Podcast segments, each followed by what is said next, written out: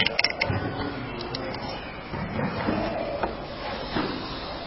الحمد لله نحمده ونستعينه ونستغفره ونعوذ بالله من شرور أنفسنا ومن سيئات أعمالنا. من يهده الله فلا مضل له ومن يضلل فلا هادي له. وأشهد أن لا إله إلا الله وحده لا شريك له. وأشهد أن محمدا عبده ورسوله صلى الله عليه وعلى آله وصحبه وسلم. أما بعد فقال المصنف حفظه الله تعالى وقال أبو الحسن الأشعري رحمه الله في سرده لعقيدة أهل الحديث والسنة.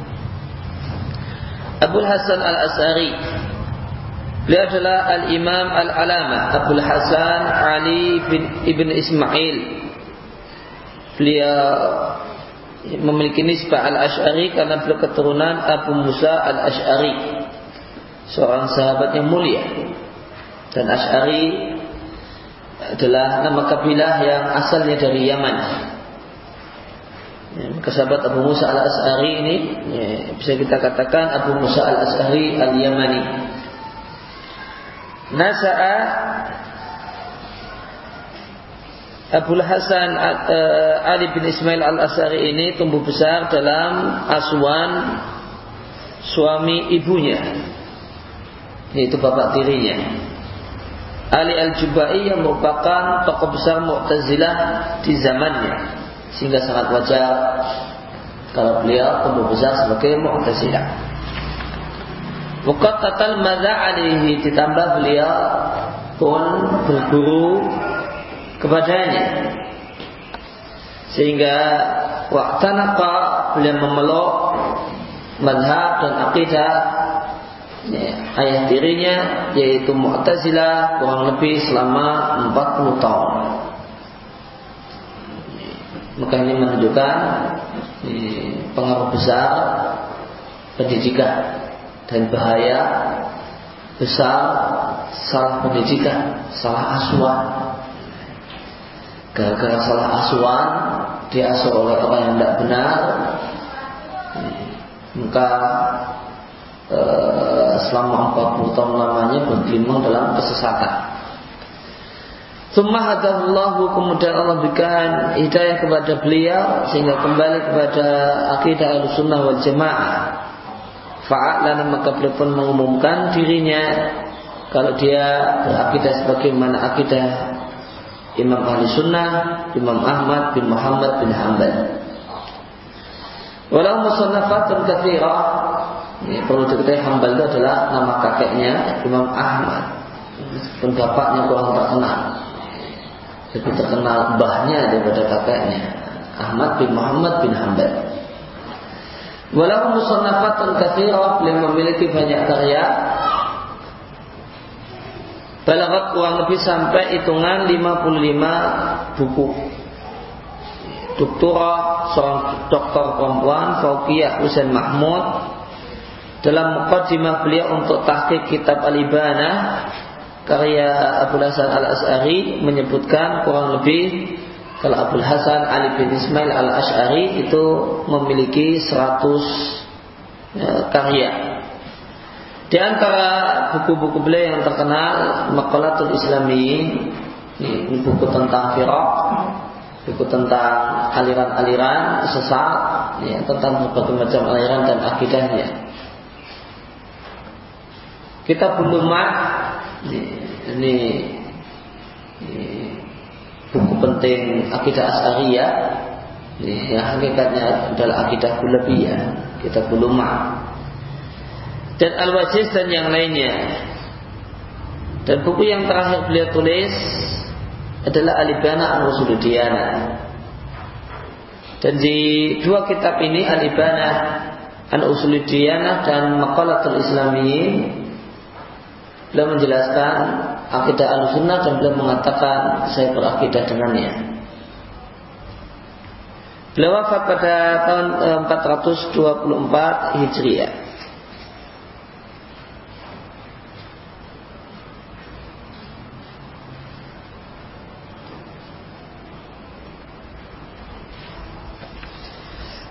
Uh, Al-Imam Abu Hasan Al-Asari rahimahullah taala fi ketika beliau membawakan satu persatu akidah Al-Hadis wa Sunnah beliau katakan bahasanya akidah Al-Sunnah e, beriman dengan Allah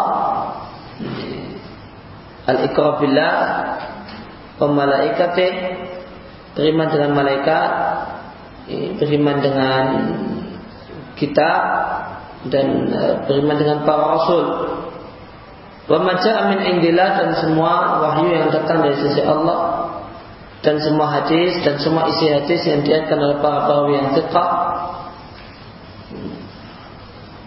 ya, itu maknanya Dobitun adlun.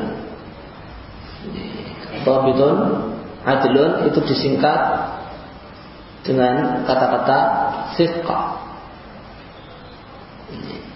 Sebagaimana dalam syarat uh, hadis yang sahih perawinya harus dobit Perawinya adalah perawi yang adil, mutasil, tidak memiliki sal, tidak memiliki ilah. Nah, Dabitun adlun itu disingkat sikatun. Maka dia Sikah artinya orang yang hafalannya tokcer, dobitnya bagus, dan adlun dan ada seorang yang bertakwa baik agamanya. Marawahu thiqat Hadis yang isi hadis yang diatkan oleh para yang thiqat dari Rasulullah Sallallahu Alaihi Wasallam. La yurduna min dzalika syai'an mereka tidaklah menolak satupun hadis dari hadis-hadis yang diatkan oleh para yang thiqat. Dan mereka percaya dengan kemunculan Dajjal dan bahasanya Isa akan membunuhnya. Maka di sini Abu Hasan Al Asari uh, menerjemahkan al-iman dengan al-iqa.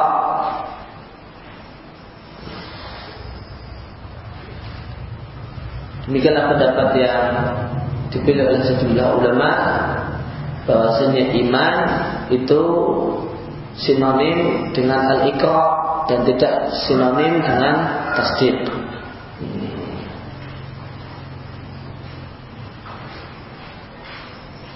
meskipun jumhur ulama atau ya, bisa kita katakan para pakar bahasa Arab mengatakan bahasanya iman itu sinonim dengan tasdik dan sejumlah ulama. Dan yang paling mulia di antara mereka yang berpendapat dengan pendapat yang berbeda dalam masalah ini adalah eh, Syekhul Islam Taqiyuddin Abdul Abbas Ibn Taimiyah. Beliau tidak setuju eh, kalau secara bahasa kita bahas ini tujuan bahasa. Kalau secara bahasa iman itu dinilai semakna dengan tasdik ini beliau bawakan 16 alasan. Beliau bawakan 16 alasan di kitab beliau Al-Iman Al-Kabir untuk mengatakan bahasanya yang benar iman itu sama dengan ikrar tidak sama dengan tasdik beliau 16 alasan alasan dari sisi bahasa. 16 alasan dari sisi bahasa yang menunjukkan bahasanya iman itu sama dengan ikrar bukan sama dengan tasdik karena ikrar itu tasdik plus. Ya, orang yang kita katakan ikrar yukiru kalau dia punya utang itu artinya dia percaya kalau dia punya utang dan dia pun uh, ya, memiliki ketundukan mengakuinya secara lisan. Dan hanya disimpan di dalam hati. Itu ikrar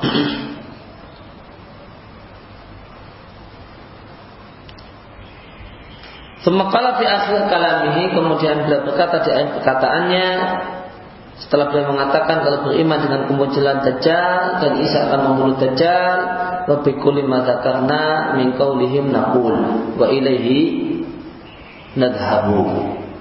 Dan dengan semua apa yang telah kami sebutkan berupa perkataan ahlu sunnah, demikianlah yang kami katakan. Yaitu kami katakan dengan lisan dan kami katakan dengan hati. Wa ilahi nadhabu dan inilah yang menjadi madhab dan akidah kami. Maka madhab itu tidak tidak mesti identik dengan fikih. Akidah juga bisa disebut madhab. Akidah sunnah disebut dengan madhab sunnah.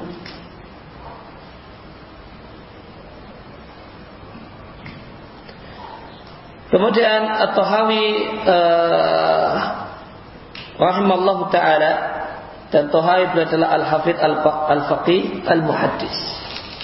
Seorang pakar fikih sekaligus pakar hadis.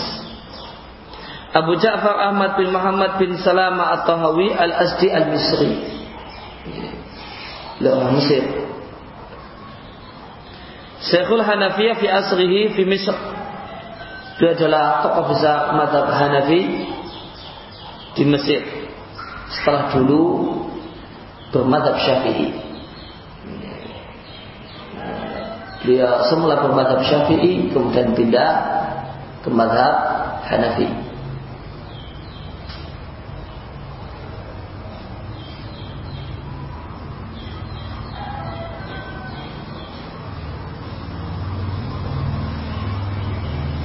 dan Al-Muzani muridnya uh, Syafi'i yang sangat terkenal adalah paman beliau dan beliau belajar madhab syafi'i langsung kepada Muzani. Namun karena satu dan lain hal kemudian beliau berpindah pada madhab Hanafi. Wanisbatu ila Toha dan Tohawi adalah nisbat kepada Toha dan dia adalah satu e, Korea, satu perkampungan di Sa'id di Mesir di daerah Mesir. Beliau punya banyak karya yang terkenal akidah Tohawiyah, matan akidah Tohawiyah. Demikian juga dua buku karya uh, dalam bidang hadis. Ya, yang sangat terkenal itu Ma'anil Athar dan kitab Syarah Muskil uh, Muskil Athar. Beliau wafat pada tahun 321 Hijriah di Mesir rahimallahu taala. Tahawi di Matan Tahawiyah mengatakan dan di antara tanda-tanda kiamat adalah munculnya Dajjal, turunnya Isa putra Maryam alaihissalam dari langit. Al-Qadiyah Al-Maliki rahimahullah taala mengatakan turunnya Isa dan Isa membunuh Dajjal adalah satu hal yang hak dan benar menurut keyakinan ahlu sunnah mengingat berbagai hadis yang sahih dalam masalah ini dan tidak terdapat dalam akal, tidak pula dalam dalil syariat yang membatalkan keyakinan ini, maka wajib menetapkan dan mengimaninya. Maka beliau katakan, turunnya Isa bukanlah sesuatu hal yang bertolak belakang dengan akal sehat. Akal sehat yang murni akal sehat cuma akan mengatakan mungkin, tidak menolaknya, tidak mengingkarinya. Syekhul Islam Abu Abbas Ahmad bin Abdullah Halim bin Abdul Salam Ibnu Taimiyah mengatakan dan masih Isa Sallallahu Alaihi Wasallam dan semua para nabi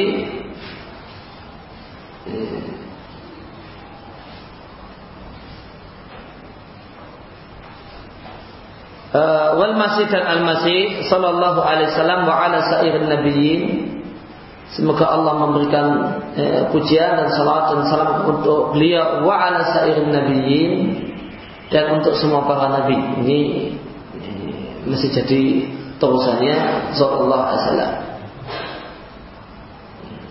kalau, kalau mau dikasih tanda baca maka dikasih tanda baca strip Al-Masih strip tengah, kemudian An-Nabiyyin strip tengah lagi. supaya jangan salah baca dan salah makna. Maka Al-Masih sallallahu alaihi wasallam wa ala sairin nabiyyin la budda yanzil ila al pasti turun ke muka bumi. Kan enggak dikasih strip bisa salah makna.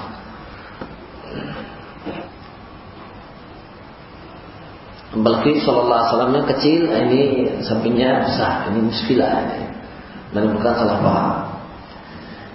Yang benar Al-Masih straight Sallallahu Alaihi Wasallam wa ala sairin nabiyin straight. Nah, lanjutannya la buddha Pasti turun ke muka bumi.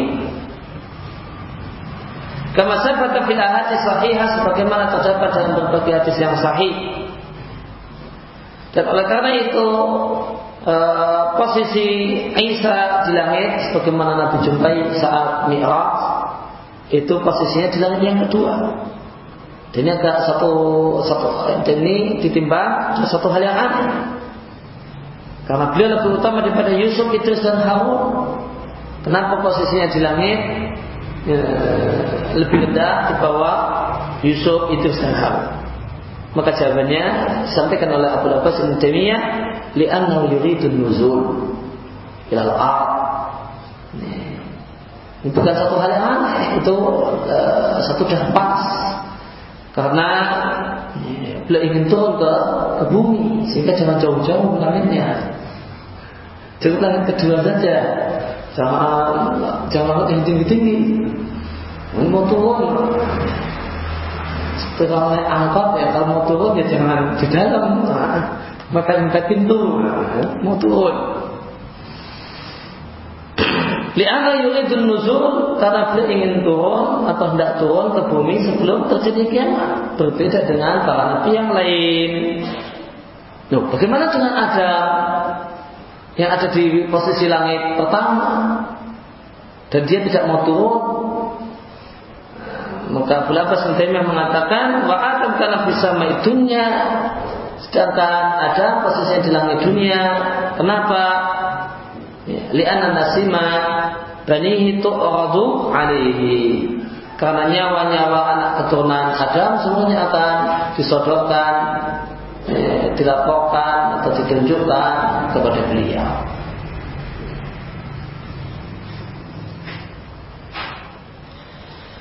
Kemudian hikmah tentang turunnya Isa alaihissalam ke, ke bumi dan e, tanpa para nabi yang lain. Sebagian ulama berupaya mencari hikmah tentang turunnya Isa alaihissalam di akhir zaman tanpa nabi yang lain. Para ulama tentang masalah ini memiliki beberapa penjelasan. Yang pertama adalah bantahan terhadap orang-orang Yahudi yang beranggapan bahasanya mereka telah berhasil membunuh Isa alaihissalam. Maka Allah menjelaskan kebohongan mereka. Nih. Dan sesungguhnya Isa lah yang akan membunuh mereka para Yahudi nih, karena Yahudi ini akan jadi anak buahnya Dajjal. Sebagaimana Isa lah yang akan membunuh pimpinan mereka itu Dajjal. Kama sabaq bain dzalika sebagaimana telah e, telah kita bahas ketika kita bahas tentang peperangan memerangi Yahudi. Al-Hafidh Ibn Hajar al-Asqalani Asyafi'i merajihkan e, penjelasan ini dibandingkan penjelasan-penjelasan yang lain. Penjelasan yang kedua, sejak Isa alaihissalam wujud fi Injil atau wajah fi Injil, Nabi Isa alaihissalam menjumpai dalam Injil keutamaan umat Muhammad Sallallahu Alaihi Wasallam sebagaimana firman Allah di surat Al-Fatah di surat Al-Fatah ayat 29 ini menceritakan isi yang terdapat dalam Taurat dan Injil. Di antara ayat yang Allah turunkan dalam Taurat dan Injil, Allah ceritakan di surat Fatah ayat 29. Jadi, jadi, Wa pemisahan mereka para sahabat Muhammad sallallahu alaihi wasallam fil Injil dalam kitab Injil kaza'in bagikan tanaman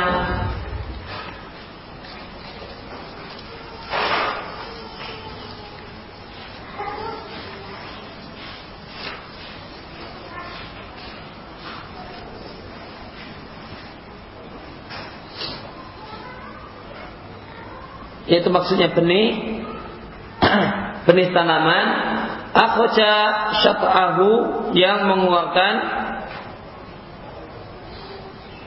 syata'ahu di terjemah tepat diartikan dengan tunas mengeluarkan tunas. Fazarahu lalu menguatlah tunas tersebut fastaghlada lalu menjadi besar. Fastawa lalu tegak lurus. Ala suqihi di atas batangnya. Maka setelah menjumpai e, ciri umat Muhammad atau gambaran keutamaan umat Muhammad di Injil, Nabi Isa kemudian berdoa kepada Allah agar Allah jadikan beliau sebagai umat Muhammad. Maka Allah kabulkan doanya sehingga Allah akahu e, tetap memberikan pada beliau kehidupan sehingga turun di akhir zaman sebagai mujadid untuk agama Islam.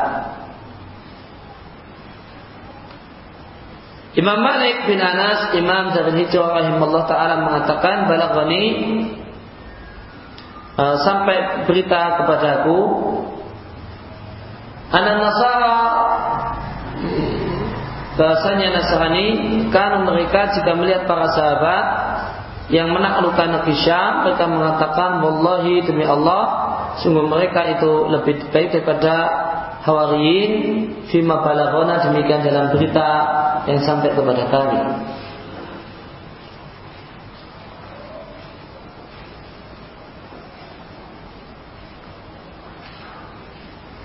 Ibnu Katsir mengatakan wasataku fidalika dan benarlah perkataan para Nasrani itu karena umat ini itu diagungkan dalam kitab-kitab terdahulu dan e, diagungkan dalam berita-berita yang telah tersebar.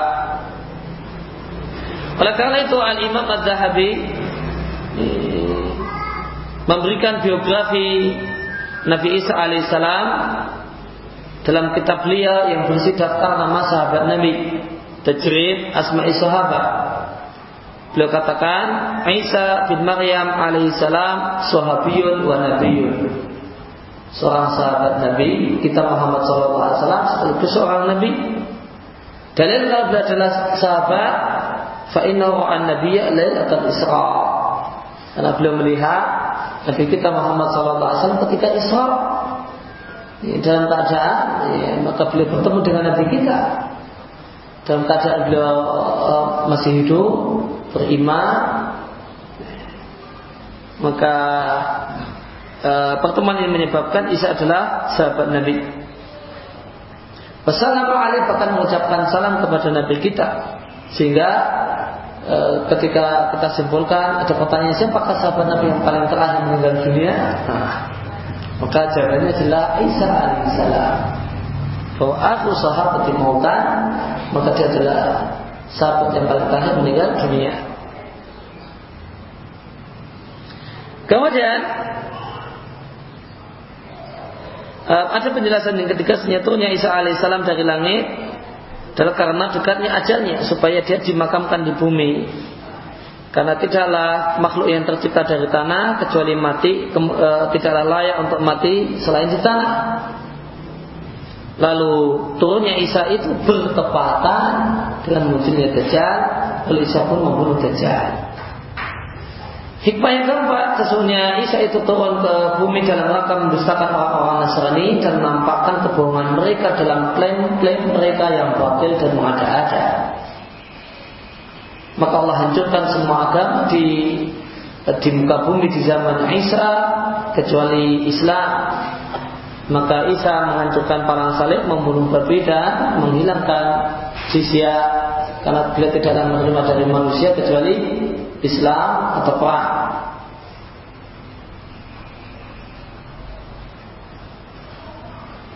Kemudian yang kelima adalah ke, e, keistimewaan Isa dengan mendapatkan perkara-perkara ini mengingat sabda Nabi Shallallahu Alaihi Wasallam an aulan nasi bi Isa aku adalah orang yang paling dekat dengan Isa oleh sebaini wa baina nabiyyin di antara bentuk kedekatannya tidak ada antara aku dengan dia nabi yang lain. Maka Rasulullah SAW adalah manusia yang paling istimewa, paling dekat dengan Isa dan yang paling dekat dengan Isa. Karena Isa memberikan kabar gembira bahasanya Rasulullah Wasallam akan datang setelah beliau. Dan Isa pun menyeru makhluk, menyeru manusia agar percaya dan beriman dengan beliau. Sebagaimana firman Allah Subhanahu wa taala, "Wa mubasysyiran bi rasulin ya'ti min ba'di." Ya, dan Isa memberikan kabar gembira dengan seorang utusan yang datang setelahku, ismu Ahmad, namanya adalah Ahmad. Demikian di surat Saf ayat yang ke-6. Uh, dalam hadis sejumlah orang bertanya pada Rasul Muhammad sallallahu alaihi wasallam, "Ya Rasulullah, akhbirna akhbirna an nafsika." Wahai Rasulullah, ceritakanlah kepada kami tentang dirimu. Maka Rasul mengatakan, "Ya, aku adalah eh, hasil dari doa ayahku yaitu Ibrahim ketika berdoa eh, setelah selesai membangun Ka'bah meminta kepada Allah agar Allah mengutus seorang utusan di di sini di dekat Ka'bah yang uh, baru saja selesai dibangun oleh Ibrahim. Wa busra akhi Wa busra akhi dan aku adalah kabar gembira yang disampaikan oleh saudaraku yaitu Isa. Maka beliau menyebut Ibrahim dengan ayah ya, karena Nabi kita adalah keturunan Ibrahim.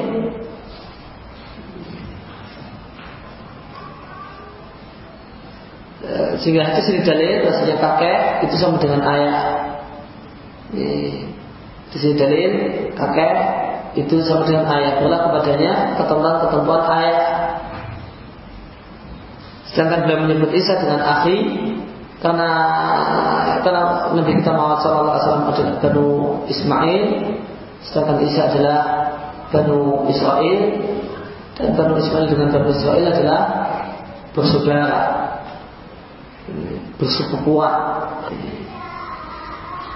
Yang satu anaknya Ismail yang satu anaknya Ishak yang merupakan eh, anaknya Yakub yang merupakan Yakub adalah keturunan Ishak dan Ishak dan Ismail adalah bersaudara. Satu ayah, beda ibu.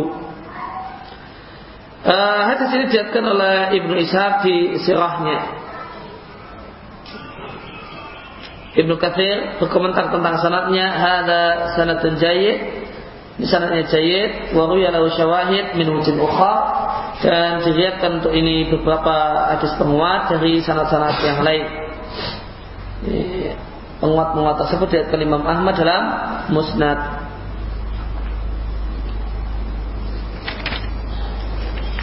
Kemudian bima yahkum Isa alaihissalam hukum apa yang akan dipakai oleh Isa ketika turun ke bumi? Maka Isa alaihissalam akan menggunakan hukum berupa syariat Muhammad. Maka beliau adalah bagian dari pengikut Muhammad sallallahu alaihi wasallam. Maka beliau tidaklah turun dengan membawa syariat yang baru karena agama Islam adalah penutup e, berbagai agama dan dia agama yang kekal sampai terjadinya kiamat yang tidak akan dihapus. Baikpun maka jadilah Isa alaihissalam jadi, e, dia akan menjadi salah satu hakim di antara e, atau salah, e, salah satu penguasa dari penguasa umat ini pemujadid dan pembaharu untuk Islam maka beliau tidak membahas syariat yang baru karena tidak ada lagi Nabi setelah Muhammad Sallallahu Alaihi Wasallam. Diatkan oleh Imam Muslim dan Abu Hurairah radhiallahu anhu Rasulullah Sallallahu Alaihi Wasallam bersabda, "Kaif antum bagaimanakah kalian jika turun di tengah-tengah kalian Ibnu Maryam dan imam kalian yaitu Imam Mahdi itu adalah mingkum di antara kalian atau berasal dari kalangan kalian sendiri." Maka Al-Walid bin Muslim kemudian bertanya kepada Ibnu Abi Dhi'ab. Al-Walid bin Muslim Al-Qurasi bekas budaknya Bani Umayyah, alim Syam, ulama Nabi Syam, wafat tahun 195 Hijriah. Beliau bertanya kepada Ibnu Abi Dhi'ab. Beliau adalah Muhammad bin Abdurrahman bin Mughirah bin Haris bin Ibn Abi Dhi'ab Al-Qurasi Al-Amiri, seorang imam sekar Sikah adalah singkatan dari Dabitun Adlun yang wafat pada tahun 159 Hijriah. Inal Auza'i haddatsana sesungguhnya Auza'i bercerita pada kami dari Zuri. Sesungguhnya Auza'i haddatsana bercerita kepada kami qal Ani Zuhri beliau mengatakan dari Zuhri dari Nafi dari Abu Hurairah. Maka di antara adab membaca sanad kalau kita baca sanad menjumpai hadasana maka setelah hadasana katakan qala. Atau uh, akhbarona maka setelah akhbarona katakan qala. Karena aslinya ada kata-kata qala namun itu dibuang dalam rangka menyingkat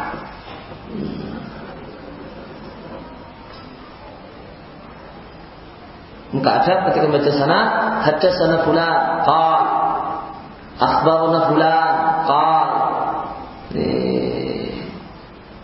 An Abu Hurairah Abu Hurairah radhiyallahu anhu Maka tidak boleh baca uh, dan bukan uh, dan tidak berada orang baca sana sana anzu uh, had, terus langsung sana pula sana pula liru tidak tahu ada baca sana Misalnya ada baca sana sebagaimana penjelasan An Nawawi itu uh, mengucapkan kata-kata qala ini setelah sana dan akhbarona.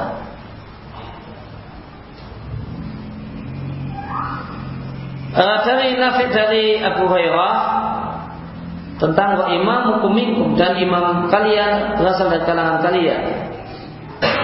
Ibn Abi mengatakan, "Beritaukah kalian ma'amakum minkum uh, apa yang uh, ma apa yang digunakan untuk memimpin kalian? Maka aku katakan tolong ceritakan padaku kalau katakan dia akan memimpin kalian dengan kitab Rabbikum dengan Al-Quran Rabb kalian tabaraka wa ta'ala dan sunnah Nabi kalian sallallahu alaihi wasallam Dan dari Jabir bin Abdullah radhiallahu anhu beliau mengatakan aku mendengar Rasulullah sallallahu alaihi wasallam bersabda di dalam tindi sekelompok dari umatku yuqatiluna 'alal haq berperang untuk membela kebenaran, zahirin menang atau terang-terangan ila yaumil sampai kiamat. Qal fayanzil Rasulullah Isa putra Maryam sallallahu alaihi wasallam.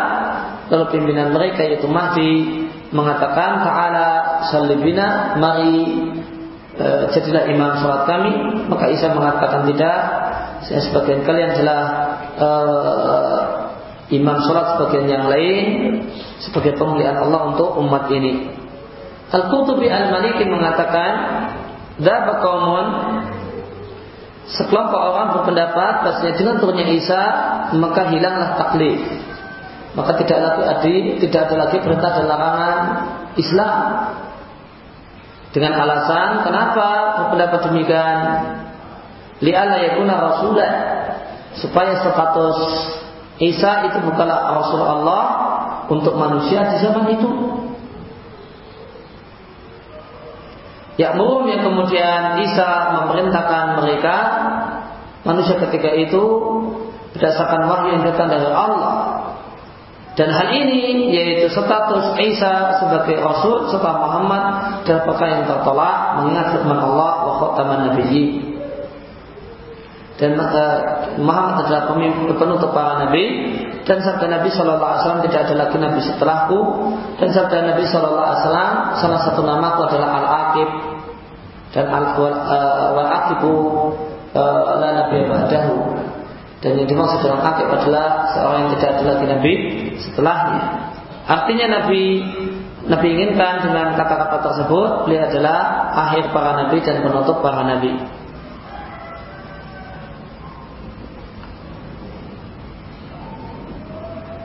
Ini kompromi sebagian orang antara nabi kita adalah nabi terakhir dengan turunnya Isa di akhir zaman. Maka sebagian uh, orang punya pendapat yang nyentrik pendapat yang aneh dengan mengatakan ketika itu tidak ada lagi taklid. Pun Isa maka tidak ada perintah dan larangan. Itu tentu satu yang tidak benar Karena kompromi yang tepat adalah Waitakara kadali Jika memang demikian eh, Bahasanya uh, Status Isa sebagai Rasul Allah Di waktu itu itu bertolak belakang dengan dalil-dalil di atas maka kompromi yang benar fal ya tidak boleh disangka bahasanya Isa itu turun sebagai nabi dengan bahasa syariat yang baru yang berbeda dengan syariat eh, Muhammad Nabi kita Sallallahu Alaihi Wasallam akan tapi Isa itu turun dan pada saat itu dia adalah pengikut Muhammad Sallallahu Alaihi Wasallam sebagaimana yang diberitakan oleh Nabi sendiri. Di, uh, di mana Nabi bersabda kepada Umar, "Laukana Musa hayyan." Seandainya Musa itu hidup, demikian juga para nabi yang lain, mawasi'ahu ila tibai, maka tidak boleh baginya kecuali jadi pengikutku. Maka semisal dengan Musa adalah Isa. Maka yang benar kita kompromikan antara turunnya Isa dengan wakhotama nabi wala nabi ba'di kita kompromikan sebagaimana dalam hadis ini laukana Musa hayya mawasi'ahu illa ila tibai. Nah di sini uh, dalil yang tepat untuk mengkompromikan antara turunnya Isa dengan wakhataman Nabi. Maka Isa turun namun dia adalah pengikut Nabi, umat Muhammad. Artinya Isa turun dan sebelum turun Allah telah uh, waqat ulima bi amrillah taala uh, lahu fis samai kemudian telah diajari dengan perintah Allah Subhanahu wa taala di langit. Sebelum dia turun Nah, telah Allah ajari apa yang dibutuhkan oleh Isa berkaitan dengan ilmu tentang syariat Muhammad SAW sehingga Isa bisa berikan keputusan hukum dengan syariat Muhammad di antara manusia dan mengamalkannya untuk dirinya sendiri. Faistamih al-mu'minun maka bersatulah orang-orang yang beriman e, berkumpullah orang-orang yang beriman pada saat itu kepada e, di Isa dan mereka menjadikan Isa sebagai hakim atas persoalan-persoalan mereka.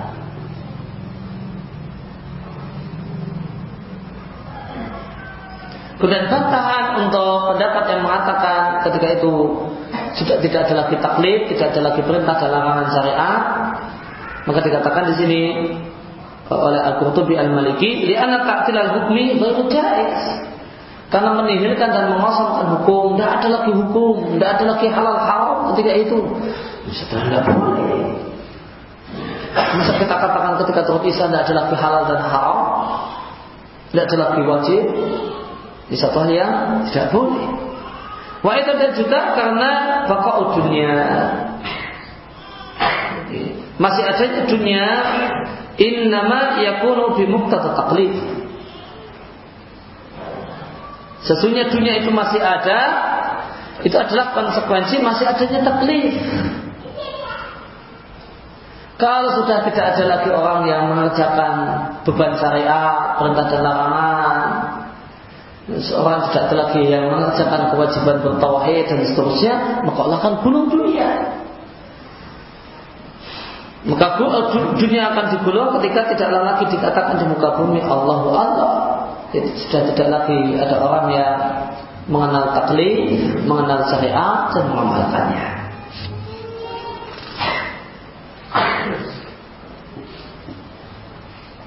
Dan di antara dalil bahasa ini masih tetap ada taklid beban syariat, perintah dan larangan, hukum wajib dan semacam itu setelah turunnya Isa alaihissalam adalah Isa salat bersama kaum muslimin berhaji dan berjihad memerangi orang-orang kafir itu Dajjal dan orang-orang Yahudi.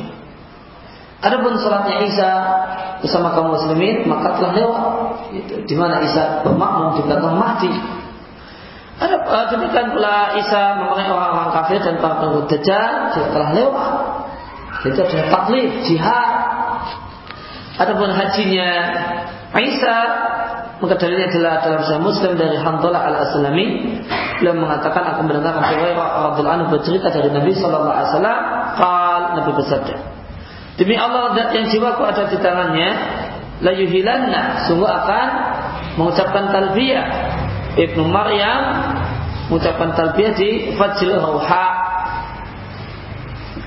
satu tempat di antara Mekah dan Madinah yang tempat ini dilewati oleh Nabi Shallallahu Alaihi Wasallam ketika beliau mau ke Badar, demikian juga ketika beliau mau ke Mekah pada saat Fatul Mekah, demikian juga ketika beliau mau ke Mekah pada saat Hajatul Wada.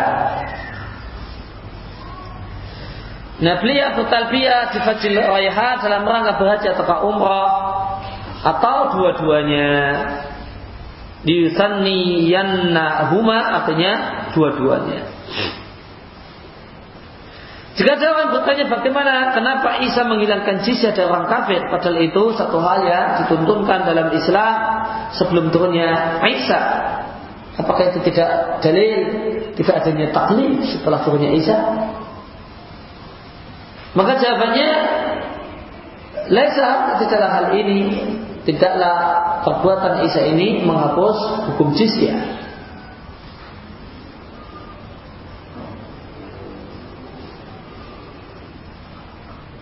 Eh, Falaisat maka tidaklah hal ini yaitu penghapusan hukum jizyah yang dibawa oleh Isa adalah syariat yang baru.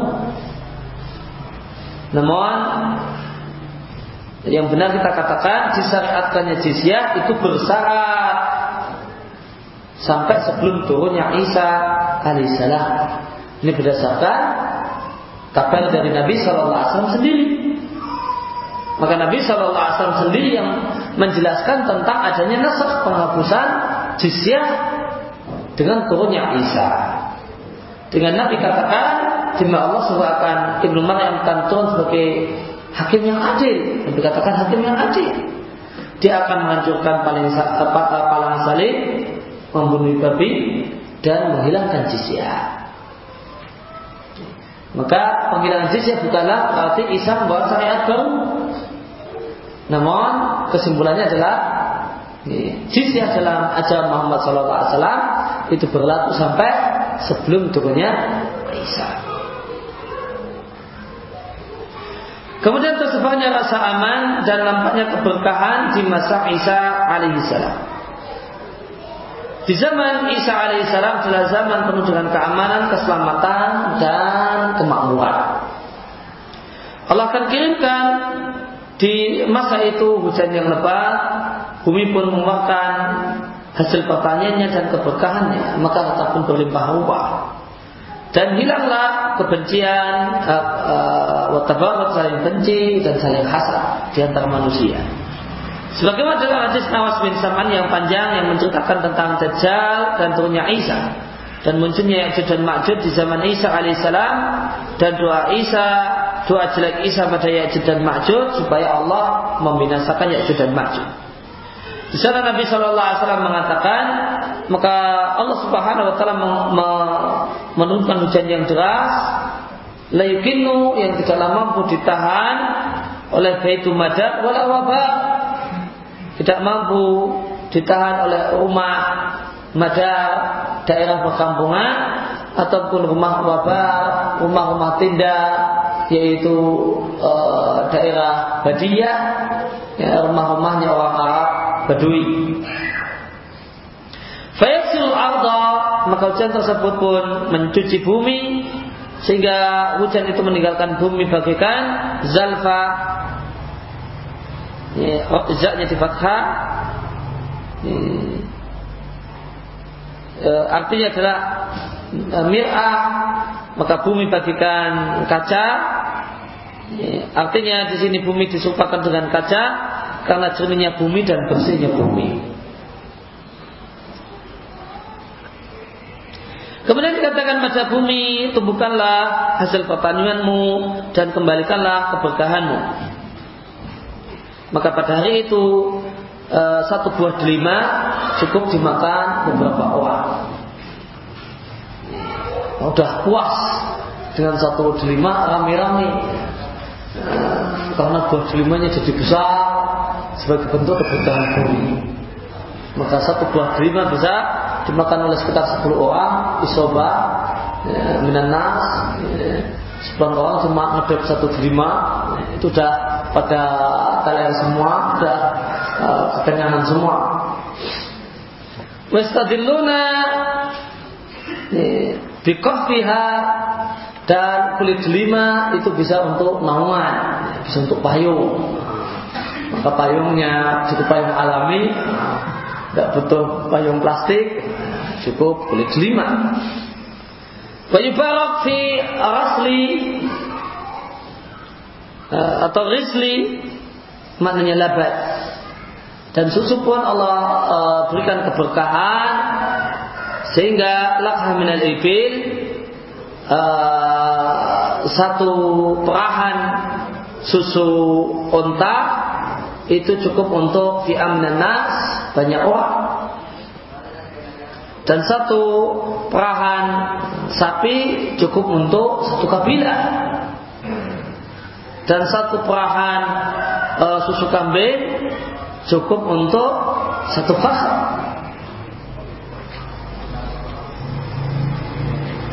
Fakhid itu uh, ya, marga atau semacam itu.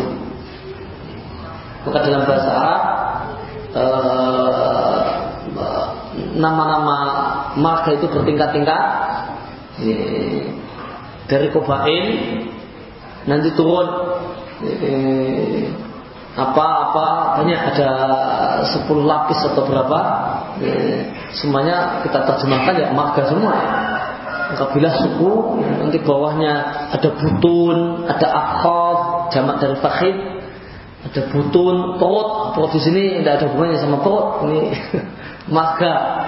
Ada butun ada akhaf nanti kemudian ada eh, baru kemudian eh, ada bani ya, terus bahkan semua uh, yang jelas itu tingkatan uh, tingkatan struktur dalam marga dalam bahasa Arab.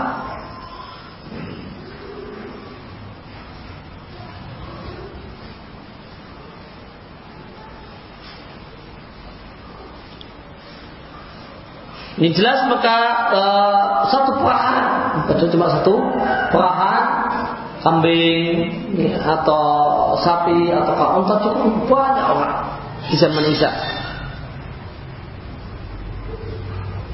Dia ke Imam Ahmad dari Abu Hurairah radhiyallahu anhu Nabi sallallahu alaihi wasallam bersabda, para nabi itu adalah ikhwatun li ala. Saudara satu bapak beda ibu. Catatan kaki ala lam yatisdir Auladul ala artinya ibu mereka beda-beda bapaknya satu. Artinya keimanan yaitu akidah para nabi itu sama yaitu tauhid sedangkan rincian syariat mereka lah yang beda satu dengan yang lain. Maka yang dimaksud dengan bapak di sini adalah tauhid dan yang dimaksud dengan ibu ini adalah rincian syariat. Ummahatum syatta, ibu mereka beda-beda yaitu syariat mereka beda-beda, wa dinuhum wahid dan agama mereka sama. Dan aku adalah manusia yang paling dekat dengan Isa putra Maryam karena tidak ada antara aku dengan dia e, nabi yang lain. Sebenarnya dia akan turun. Maka Allah Subhanahu wa taala akan binasakan e, di zaman Isa masih ada jah maka terwujudlah rasa aman di muka bumi sampai-sampai tarta'i al-usudu ma'al ibil. Maka sampai-sampai singa itu bisa uh, bersama unta bisa berada dalam satu padang gembalaan dalam malah guyonan. Uh, bukannya singa merekam uh, merekam unta malah makan bareng di tempat yang sama, di padang gembalaan yang sama.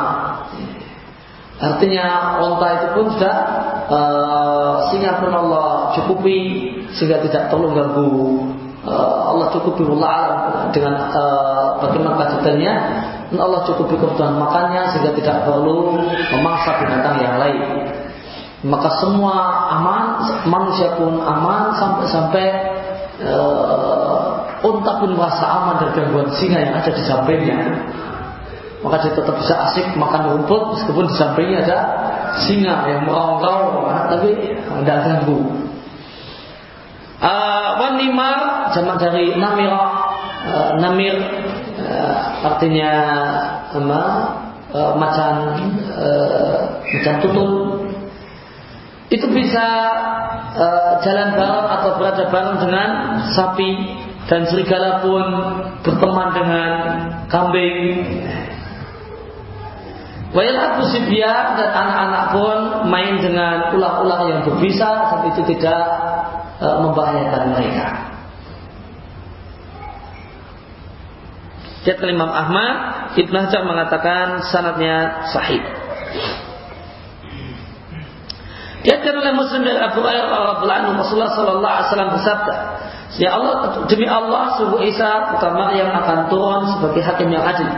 Dia akan menghilangkan jizyah dan pada saat itu maka al-qilas Qilas Kafnya dikasrah Jam'ah dari qalus Maknanya adalah eh, Naqah syabah. Eh, Onta betina yang masih belia itu itu dibiarkan tidak diurus fala alaiha tidak ada yang perhatian dan sungguh pada saat itu hilanglah kebencian, saling benci, saling hasad di antara manusia. Dan pada hari itu manusia di, diseru untuk menerima harta, dipanggil untuk diberi harta, falayat perlu ahadun, tidak ada satupun yang mau menerimanya. Mana di sini kata Nawawi maknanya adalah manusia zuhud eh, dengan unta. Manusia tidak punya keinginan untuk memiliki onta. Kenapa? Karena hartanya sudah berupa ruah. Untuk apa? Tambahin kerjaan. Harus menyiapkan kandang dan sebagainya. Bikin kerepotan. Wakilatul amal dan ketika itu orang tidak berpanjang angan-angan karena sudah sadar kalau dia sudah demikian dekat. Di samping karena tidak ada kebutuhan untuk mengambil onta dan memiliki onta. Ditambah keyakinan telah dekatnya kiamat. Nah kenapa yang disebutkan dalam hadis ini adalah kilas unta betina yang masih belia disebutkan kilas karena dia adalah uh, tergolong uh, unta yang sangat berharga. Alat tiga anfasu amwal ibal Arab dia adalah harta yang paling bernilai menurut orang Arab. Maka hadis ini semisal dengan firman Allah tentang keadaan hari kiamat. Wa idal isyaru Dan ketika unta yang sudah bunting 10 bulan ditinggalkan oleh para pemiliknya. Itulah pada saat bertim sangkakala maka para pemilik onta tidak lagi ngurusi ontanya padahal ontanya sudah bunting 10 bulan artinya sudah hampir melahirkan karena eh, kalau hampir melahirkan artinya itu sangat mahal kalau dijual entah bunting mau melahirkan dijual itu mahal sekali namun ketika itu pada saat bertemu sangka orang sudah tidak lagi peduli dengannya. Layus alaiha maknanya adalah layuk tanabiha. Tidak ada yang perhatian dengannya. Orang cuek dengan uh, unta, orang enggak ada yang kemudian sambil nyangking, tidak ada. Maka unta bebas berkeliaran, ada yang uh, yang ada yang ngambil dan tidak ada yang peduli. Itu penjelasan An-Nawawi tentang makna lais alaiha la yuktana tidak perhatian. Lain halnya dengan penjelasan Al-Qadiyat Al-Maliki Beliau berpendapat bahasanya maknanya la tutlab zakatuha maka zakat unta sudah tidak lagi dicari. Kenapa? Itla yujad man Karena tidak dijumpai orang yang menerima zakat. Namun e, penjelasan Qadiriyat ini diingkari oleh An-Nawawi. Kemudian masa tinggalnya Isa setelah turun di muka bumi dan tentang wafatnya Isa. Adapun masa tinggalnya Isa alaihissalam di muka bumi setelah beliau turun, maka terdapat e, tentang beberapa riwayat. Ada yang mengatakan tinggal selama tujuh tahun, Versi yang lain mengatakan tinggal di bumi selama 40 tahun. Dan riwayat Muslim dan Abdullah bin Amr bin Al-As radhiyallahu anhuma beliau mengatakan kalau Allah mengirimkan Isa putra Maryam fayam eh, thumma yamkusu anas maka manusia tinggal di sana tinggal di masa Isa dalam keadaan tidak ada pemusuhan di antara dua manusia pun selama bisa tinggal. Karena tidak ada hasad, tidak ada benci. Maka kehidupan sebagaimana kehidupan surga. ada makmur, limpah ruah, tidak ada benci, tidak ada hasad. Thumma yursilullah kemudian Allah kirimkan angin yang dingin dari arah Syam maka tidaklah tersisa satupun orang yang uh, tidaklah tersisa di muka bumi satupun orang yang di dalam hatinya ada seberat darah yaitu uh, semut kecil berupa kebaikan yang dimaksud dengan kebaikan di sini adalah iman kecuali nyawanya dicabut melalui perantaraan angin tadi. Tadi dikatakan semua yang kusunas sabah asili maka manusia berada di uh, hidup di zaman Isa selama tujuh tahun. Ini di sini Muslim. Lain lagi lihat Ahmad dan Imam Ahmad dan Abu Dawud. Di sana dikatakan fayam kusfil ardi arba'ina sana. Maka Isa itu tinggal di bumi selama 40 tahun kemudian wafat, kemudian jenazahnya disolat disolat oleh kaum muslimin. Itu Imam Ahmad Ibnu Hajar mengatakan sahih. Bagaimana kompromi dua riwayat ini? Uh, pada dua riwayat di atas dua-duanya sahih dan ini satu hal yang muskil membingungkan maka perlu kita kompromikan dengan tuhmal kita maknai riwayat yang mengatakan tujuh tahun itu adalah jangka waktu tinggalnya Isa di muka bumi setelah turun ke bumi itu cuma tujuh tahun. Adapun jika mudofat, jika ditambahkan dengan tinggalnya Isa di bumi sebelum diangkat ke langit, maka itu 40 tahun. Karena umur Isa ketika dia diangkat ke langit adalah berusia 33 tahun ala masyhur sebagaimana pendapat uh, yang terkenal di kalangan para ahli sejarah. Maka 33 tambah 7 nah 40. Maka Isa itu tinggal di bumi 40 tahun, 33 tahun e, dari lahir sampai diangkat, 7 tahun setelah turun e, ke bumi di akhir zaman. Dan terdapat riwayat bahasanya uh, Isa itu dimakamkan di samping Nabi Shallallahu Alaihi Wasallam di samping makam Nabi Shallallahu Alaihi Wasallam. Dan riwayat tentang hal ini adalah riwayat yang lemah.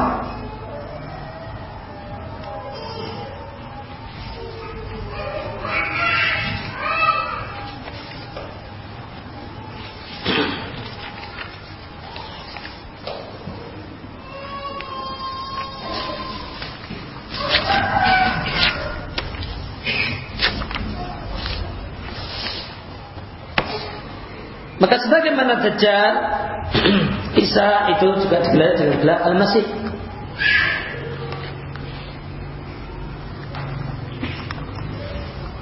Kenapa Isa diberi gelar dengan gelar Al-Masih? Apa beda masih untuk Dajjal dan masih untuk Isa? Jadi di suatu saat tidak terdapat penjelasan detail tentang hal tersebut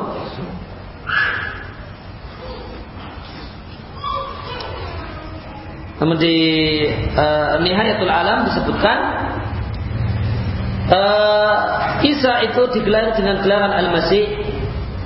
Dan Al-Masih mengikuti wazan fa'il. Dan wazan fa'il itu dalam bahasa Arab terkadang maknanya adalah fa'il sehingga maknanya adalah masih. Dan terkadang makna wazan fa'il adalah maf'ul sehingga maknanya adalah mamsuh maka ada beberapa penjelasan tentang kenapa dia disebut Al-Masih atau Al-Masih. Yang pertama mengatakan bahasanya Isa disebut Al-Masih bermakna Al-Masih yang mengusap. Nah ulama yang mengatakan makna Al-Masih untuk Isa itu Al-Masih itu pun berselisih pendapat tentang eh, dia mengusap apa. Maka saya mengatakan karena tidaklah beliau mengusap orang yang cacat kecuali akan sembuh.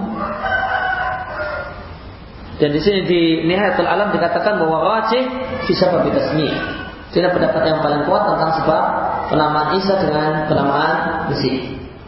Maknanya adalah masih karena dia e, mengusap orang yang cacat, orang yang bermasalah dan sembuh seketika.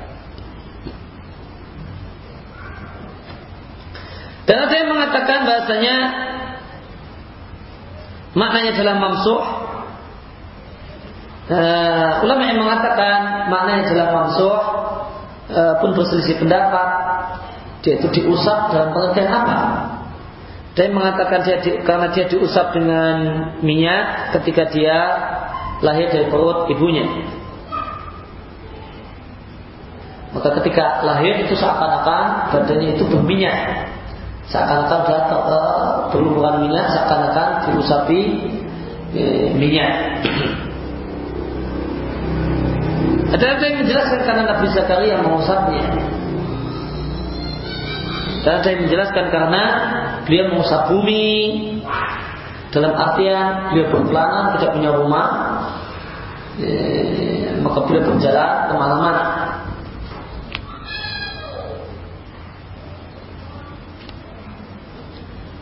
Kemudian penjelasan yang lain tentang makna mamsuh untuk Aisyah adalah karena ini, uh, yang mamsuh itu adalah kakinya. Artinya kaki beliau itu tidak memiliki cekungan sebagaimana normalnya manusia. Manusia normal kakinya ada cekungan. Kalau ditegakkan gini masih ada yang uh, longgar, ada yang lowong. Kalau enggak normal. Coba cek. Kalau nggak ada cekungan berarti tidak normal. Nah Isa itu kakinya seperti kaki boneka, nggak ada cekungannya. Ada yang menjelaskan mamsoknya Isa maknanya jelas demikian.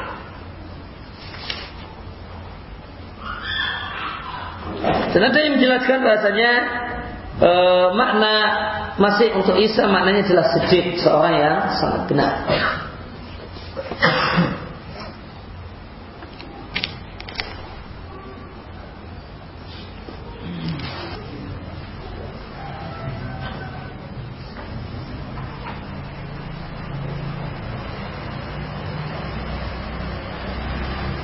Berkaitan dengan uh, ayat yang uh, kemarin kita baca surat An-Nisa 157 sampai 159 tentang dalil dari Al-Qur'an turunnya Isa. Maka ingin ada satu faedah yang kita sampaikan berkaitan dengan wa maqataluhu wa masalabuhu walakin subbihalahu di dalam mereka orang-orang Yahudi membunuh Isa tidak pula menyalibnya akan tapi yang dia salib adalah orang yang diserupakan dengan Isa tersebut di kalangan kaum muslimin berkaitan dengan uh, orang yang disumpahkan dengan Isa dia adalah murid Isa yang khianat yang namanya Yudas dan ini adalah dusta. Dan ini adalah cerita bohong sebagaimana dijelaskan oleh uh, Al-Habib Ibnu Katsir di tafsirnya. Saya bacakan uh, tafsir Ibnu Katsir untuk ayat ini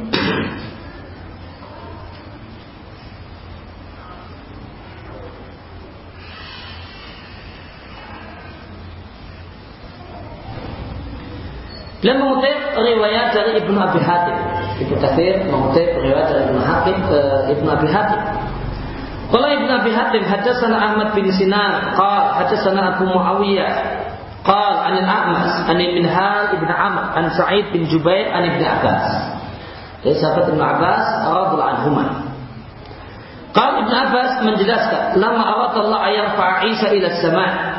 Tatkala Allah Subhanahu wa taala ingin mengangkat Isa ke langit, kharaja al-asabi maka beliau menemui murid-muridnya. Wa fil baiti Ibna asara rajulan minal hawariyin dan di ruangan itu, di rumah itu terdapat 12 hawari. Yakni faraja alaihim min ainin fil baiti wa ra'suhu yaqturu ma'an Artinya Musa atau Isa menemui 12 muridnya itu min ainin dari uh, dari kamar mandi yang ada di rumah itu dalam keadaan kepalanya uh, rambut kepalanya bertetes air setelah dia mandi. Fakal kemudian Isa berkata kepada mereka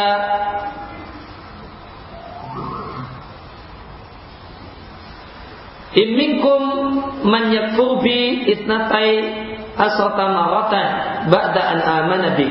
Sesungguhnya di antara kalian ada yang kafir denganku sebanyak 12 kali setelah dia beriman kepada aku.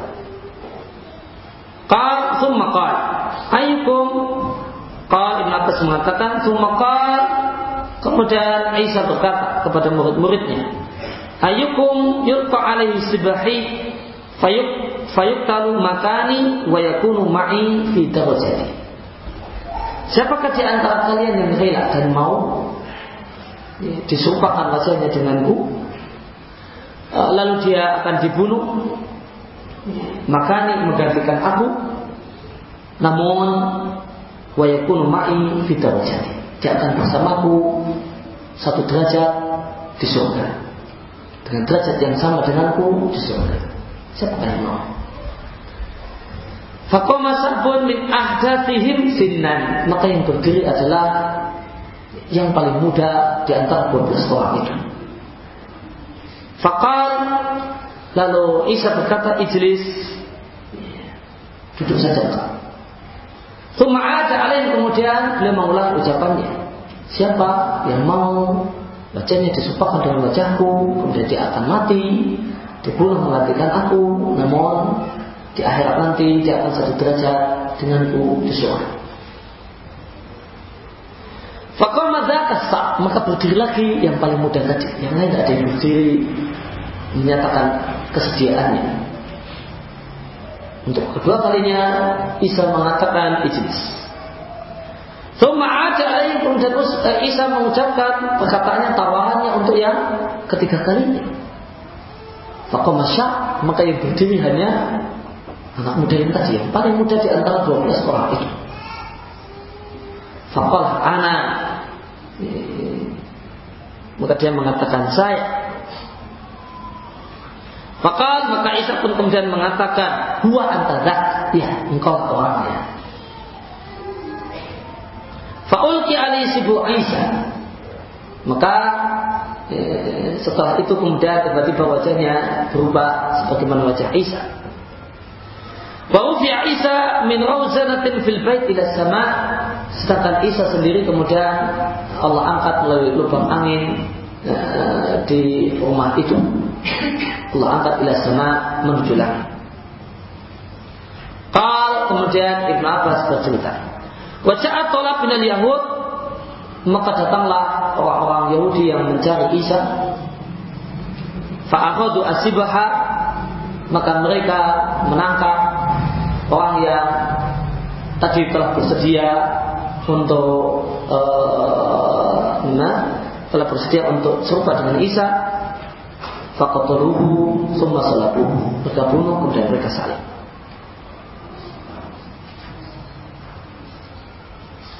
Fakafara fi ba'dum itnatai. Maka sebagian pengikut Isa kafir dengan Isa sebanyak 12 kali setelah dia beriman dengan Isa. Waftaraku salah satu kemudian kata masih kata Ibn Abbas dan mereka berpecah belah menjadi tiga sekte besar. Faqalat firqatun kana Allah fina ma sya'a summa sa'ita ila sama wa yaqubiyah. Maka ada uh, sekte Nasrani yang mengatakan Allah lah yang berada di tengah-tengah kita maka dia meyakini Isa sebagai Allah dalam waktu yang dia kemudian dia naik ke langit, inilah kelompok atau sekte e, Nasrani yang namanya Yakubiyah. Maka firqatun kanat fina ibnullahi masya'a. Yang ada Isa adalah anak Allah dan dia tinggal bersama kita dalam jangka waktu yang dia kehendaki. Tsumma Allah ilaihi wa haula'i nasturiyah. Kemudian Allah angkat ke langit mereka inilah nasturiyah. Waqala firqatun kemudian kelompok yang ketiga yang ketiga mengatakan kana fina Abdullah. Ya. Yang ada di tengah-tengah kita Isa adalah hamba Allah dan utusannya yang dia berada di tengah-tengah kita dalam jangka waktu yang Allah kehendaki kemudian Allah mengangkatnya ke sisinya wa haula'il muslimun itulah kaum muslimin dari para pengikut Isa. Fatadaharat kafaratan alal muslimah maka dua sekte, dua sekte yang pertama yang merupakan dua sekte yang kafir, mereka saling tolong menolong untuk memberangus sekte yang ketiga yang merupakan yang muslim. Faqataluhu lalu dua sekte tersebut menghabisi semua orang-orang yang berasal dari sekte yang ketiga falam yazal al-islamu qamisan hatta ba'asallahu Muhammadan sallallahu alaihi wasallam. Sampai sini perkataan Ibnu Abbas. Maka Islam itu hapus. Sampai Allah Subhanahu wa taala mengutus Muhammad sallallahu alaihi wasallam. Karena semua muslim dari kalangan pengikut Isa telah e, dibantai habis oleh e, yang kafir dari orang-orang yang mengaku sebagai pengikut Isa. Ini e, penjelasan Ibnu Abbas tentang walakin subbihalahu yang mereka bunuh adalah yang serupa dengan Isa. Kemudian Al-Hafidh Katsir mengatakan wahada isnadun sahihun ila Ibnu Abbas. Dan riwayat Ibnu Abi Hatim uh, sampai Ibnu Abbas adalah sanad yang sahih. Maka inilah satu-satunya cerita yang benar tentang penyelidikan Isa sebagaimana penjelasan Ibnu Abbas dengan sanad yang sahih sampai Ibnu Abbas bagaimana uh, dikatakan dan dinilai oleh uh, Al-Hafidh Ibnu Katsir uh, rahimallahu taala.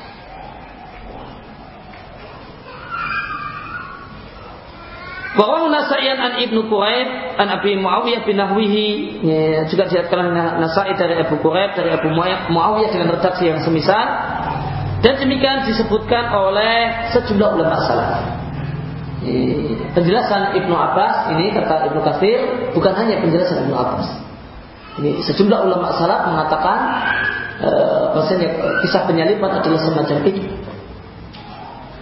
Anu qala lahum sejumlah ulama salaf selain Ibnu Abbas ya, mengatakan bahasanya Isa berkata kepada murid-muridnya, "Ayyukum yulqa ali subhi Fritul makani wa warafiqi fil jannah.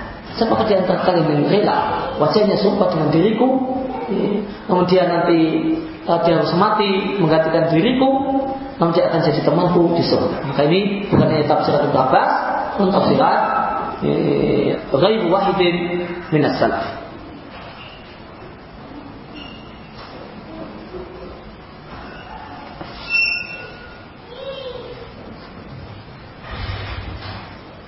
Dan karena itu maka cerita Yudas Iskariot yang tersebar di kalangan kaum muslimin adalah uh, keyakinan yang benar, ini akidah yang keliru, uh, maka itu satu hal yang mengada-ada dan yang benar adalah sebagaimana uh, tadi kita ceritakan bahwasanya itu berdasarkan sukarela tidak ada khianat tidak ada pengkhianatan dari murid-murid Isa uh, dan penjumpaan tersebut tidak dipaksakan adalah kerelaan eh, dari salah, uh, salah seorang murid Isa dan 12 murid Isa itulah murid Isa yang paling muda dari 12 orang tersebut. Oleh karena itu maka kita katakan Eli Eli lima sahabat itu sesuatu yang dusta. Tidak ada cerita itu. E, e, karena ini berdasarkan kerelaan, berdasarkan keinginan dan permintaan. Maka mana mungkin kemudian dikatakan, eh, wahai Tuhan, wahai Tuhan, kenapa kau tinggalkan aku? Maka itu, itu pun juga satu hal yang tidak ada.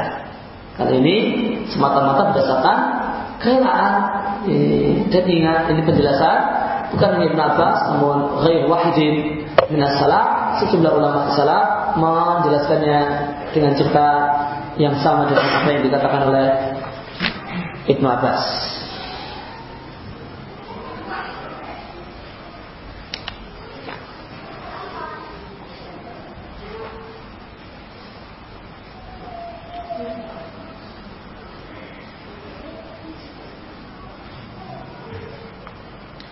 ada pun kisah uh, ya dalam bahasa kita Yudas uh, Iskariot maka dikatakan oleh Ibn Abbas sebagai uh, gharibun jiddan uh, siapun gharibun uh, dan gharib di sini maknanya adalah dhaif.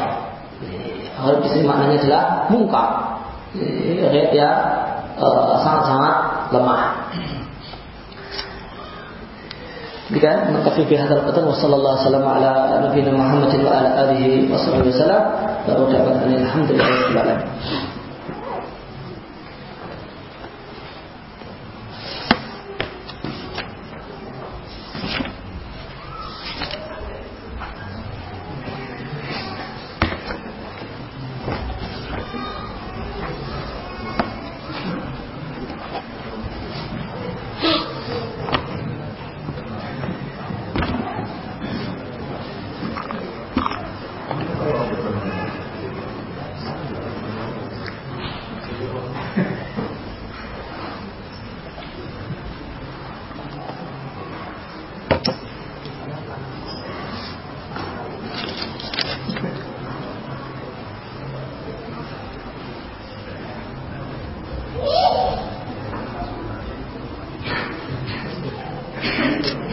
Bagaimanakah sikap yang seharusnya uh, ketika ada sesama penuntut ilmu yang berisik ngobrol dengan asik seolah lupa kalau sedang berada di majelis ilmu.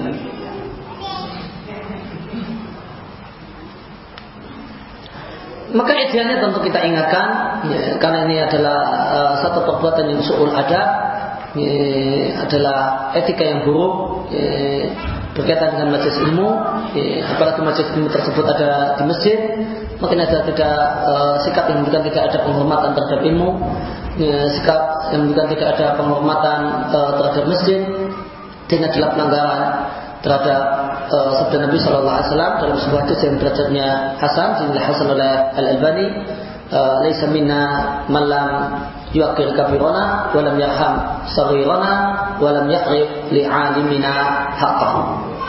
Bukanlah umatku orang yang tidak menghormati orang yang lebih tua tidak sayang dengan orang yang lebih muda dan tidak menghormati seorang guru ngaji tidak menghormati orang yang berilmu maka dia bukanlah umatku e, maka ini bentuk tidak e, tidak memiliki penghormatan terhadap ilmu dan tidak memiliki penghormatan terhadap orang yang menyampaikan ilmu. E, dan ini adalah satu perbuatan yang kalau kita timbang berdasarkan hadis ini maka ini adalah perbuatan yang sangat ngeri. Karena Nabi katakan laisa minna. Laisa minna. Bukanlah umatku malam yuakir kabirana walam yarham saghirana walam ya'rif li'alimina haqqahu bukanlah umatku orang yang tidak mengetahui eh, hak dari eh, orang yang berilmu di antara kami yaitu hak untuk dihormati eh, orangnya. Eh, jika orangnya saja eh, perlu dihormati manakala dia tidak dalam keadaan mengajarkan ilmu maka bagaimanakah jika dalam kondisi yang lebih mulia lagi yaitu dalam kondisi mengajarkan ilmu maka berisik ngobrol sendiri ketak-ketik SMS atau yang lain uh, yang merupakan bentuk sikap-sikap uh, menandakan tidak adanya penghormatan terhadap ilmu dan orang yang berilmu dan kegiatan menyampaikan ilmu adalah permasalahan yang tidak ringan itu adalah satu hal yang besar. Maka kita katakan maka ingatlah firman Allah Subhanahu wa taala di surat An-Nur tasabuhu hayyina wa wa indallahi azim. Bila jadi anda kira perbuatan itu sepele, remeh, tidak masalah, padahal itu satu hal yang sangat gawat di sisi Allah Subhanahu wa taala. Dalam hadis saya Bukhari Rasulullah Sallallahu Alaihi Wasallam bersabda barang siapa salat berdain niscaya dia masuk surga. Apa yang dimaksud dengan berdain? Yang dimaksud dengan salat berdain adalah salat subuh dan asar. Apa makna dari hadis ini? Hadis ini menunjukkan fadilah, keutamaan uh, mengerjakan sholat subuh pada waktunya dan sholat asar pada waktunya karena ini adalah di antara, di antara sholat yang sering diremehkan oleh banyak orang. Uh, subuh kena alasan ngantuk asar dengan alasan capek. Uh, sering orang melalaikannya kemudian meninggalkannya atau minimal kemudian bersikap sebagaimana sholatnya orang munafik yang Nabi katakan menunggu-nunggu matahari mau terbit mau tenggelam. Setelah mau tenggelam maka secepat kila dia sholat maka dia katakan bukan sholat empat rakaat kemudian mematuk empat kali patukan karena demikian cepat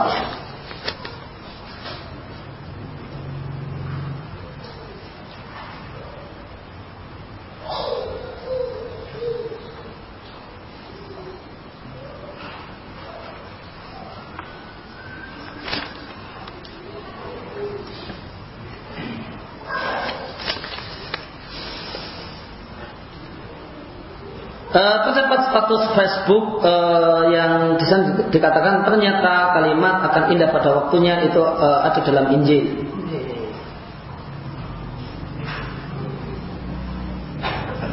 Yang benar itu ada dalam Injil, namun apakah orang orang Islam tidak boleh mengimani ayat yang ada dalam Injil? Bukankah Injil merupakan bagian dari Al-Quran? Bukankah Taurat dan Injil juga uh, adalah wahyu Allah Subhanahu Wa Taala? Namun yang jadi masalah eh, sebagaimana kita ketahui berdasarkan banyak ayat yang mengatakan bahasanya eh, Injil dan Taurat itu muharraf telah mengalami eh, telah dikotor oleh tangan-tangan manusia eh, sehingga dari mana kita bisa kita, kita tidak bisa menentukan eh, manakah ayat Taurat dan Injil yang asli dan dan bukan eh, maka kita tidak bisa mengatakan e, ataupun memastikan bahasanya kalimat yang dianggap indah tadi ya, dianggap bagus akan indah pada waktunya itu adalah kita yakinkan itu adalah bagian dari Injil yang benar yang datang dari Allah Subhanahu wa taala.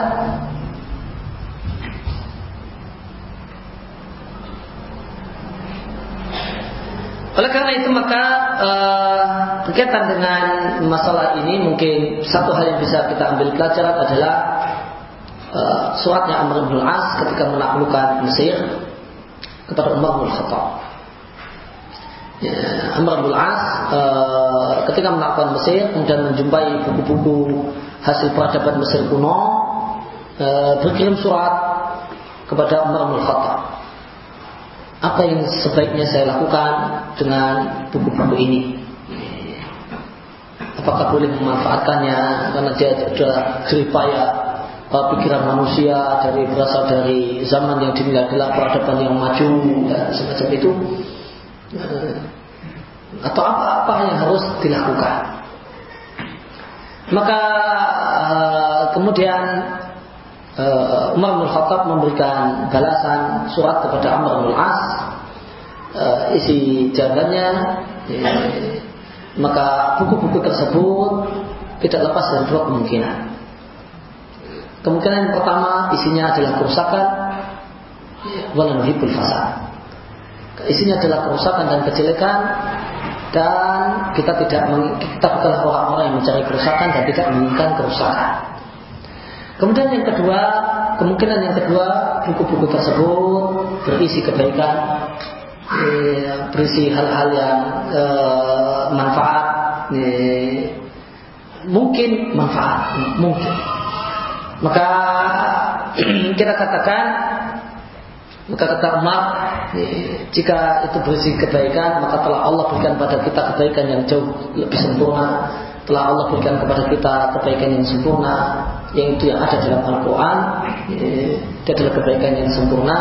Dan itulah kita sudah merasa cukup dengan segala kebaikan yang diajarkan oleh Al-Quran. Dan tentu maksudnya juga dengan sunnah Nabi SAW ya, kita tidak membutuhkannya. Oleh karena itu bakarlah buku tersebut. Maka bakarlah buku-buku tersebut. Kemudian Amr bin As membakar uh, sejumlah besar dari buku-buku itu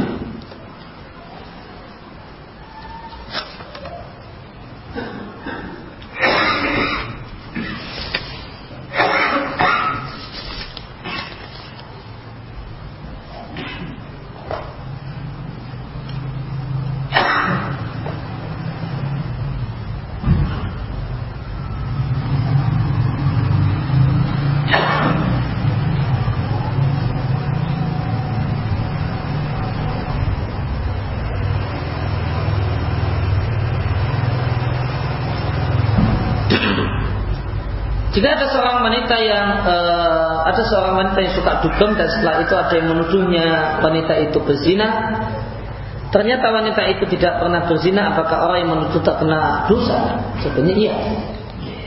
Karena siapa saja yang me, ya, menuduh seorang itu dengan zina, maka dia punya kewajiban datangkan empat orang saksi. Kalau dia berzina, jika tidak maka dia adalah orang yang bersalah. Meskipun dia orang yang benar, maka dia adalah orang yang salah meskipun dia orang yang benar maka dia adalah orang yang bersalah di akami dunia meskipun dia adalah orang yang benar secara kenyataannya maka dia uh, adalah orang yang berat untuk mendapatkan hukuman 80 kali cambuk dalam aturan Islam.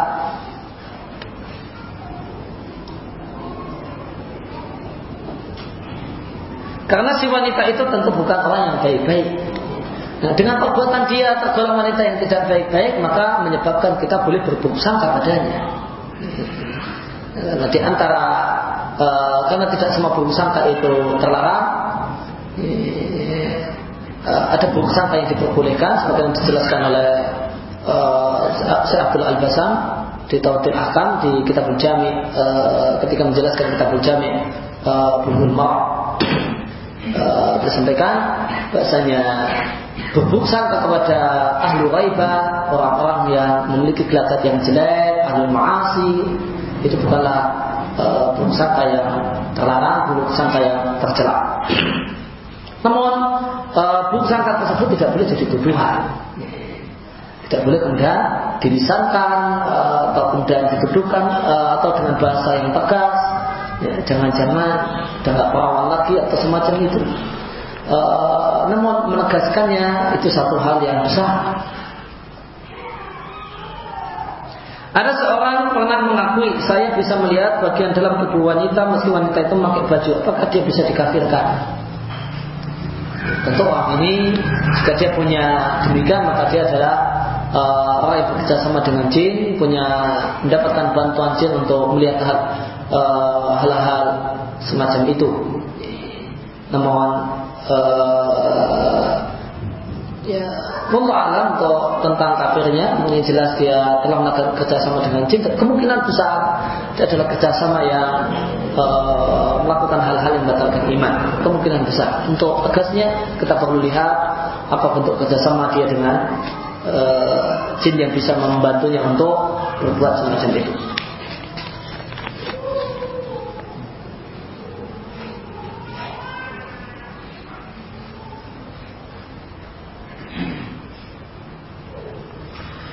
Tadi dijelaskan ketika Nabi Isa turun sifat dengki dan hasad dihilangkan apakah maknanya berasanya pada saat itu seluruh manusia beragama Islam? Iya, seluruh manusia ketika itu muslim. Yang tidak mau muslim sudah dibunuh oleh Isa. Tidak ada satu orang kafir mencium bau napasnya Isa kecuali mati seketika. Dan bau, bau napasnya Isa sejauh eh, jangkauannya eh, adalah sejauh matanya eh, sejauh pandangan matanya juga dia mandang di tempat yang terbuka sampai sekilo atau satu setengah kilo orang dalam radius itu mati semua jika kafir. Maka ketika itu tidak ada lagi orang kafir, tidak ada di dunia kecuali muslim.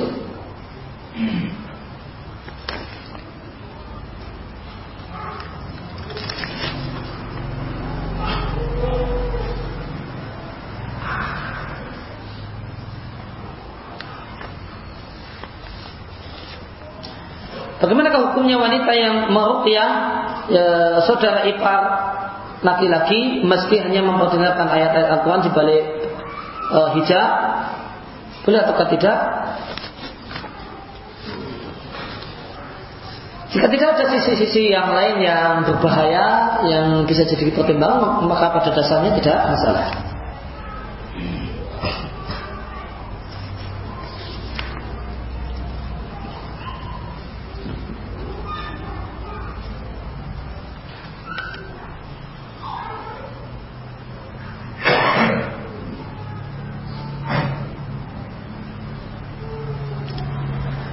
Kita dapati para ulama mencukupkan riwayat dengan mengatakan sanatnya sahih.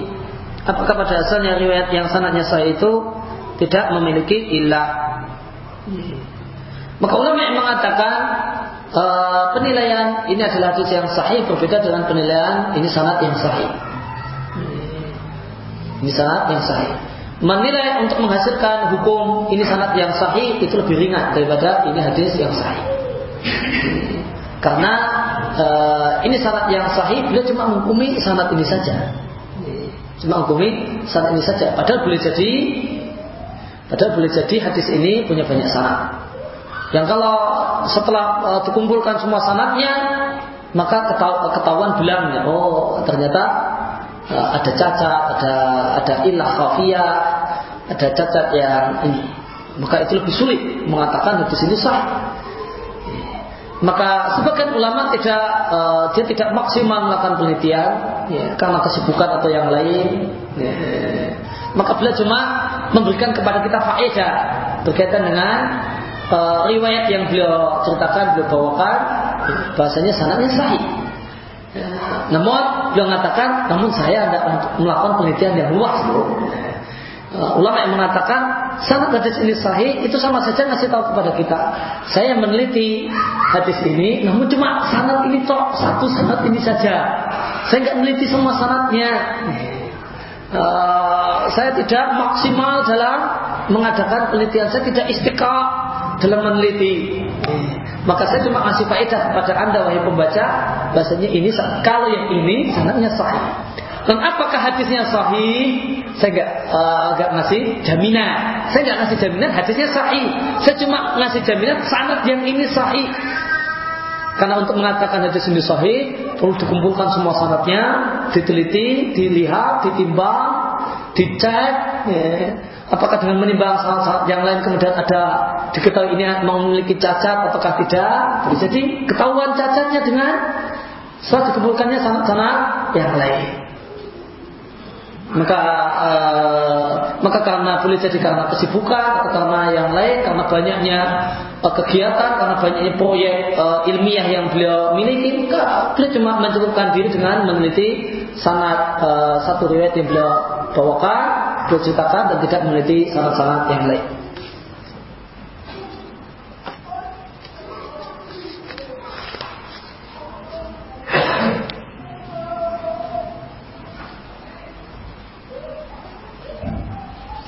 Bagaimana hukum memberikan hadiah sesuatu yang, mem, uh, yang dapat membuat seorang itu menutup aurat, namun juga memungkinkan dia untuk tabarut dengannya. Maka melihat ghalib keadaan dirinya. E, maka apa yang dominan dalam keadaan dirinya? Apa yang jadi kebiasaannya? Apakah uh, kalau dia berikan kepada dia sesuatu ini maka dia akan gunakan untuk tabarut? Ya, maka jika demikian kemungkinan besarnya maka jangan jangan berikan itu berikan benda-benda yang lain yang lebih manfaat untuk akhiratnya.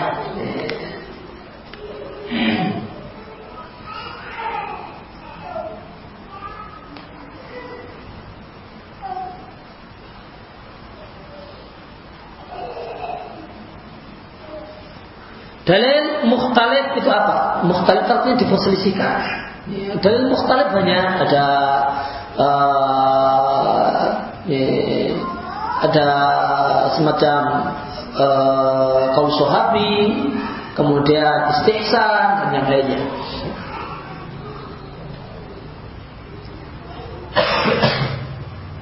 Apa hukum merayakan uh, Maulid Nabi?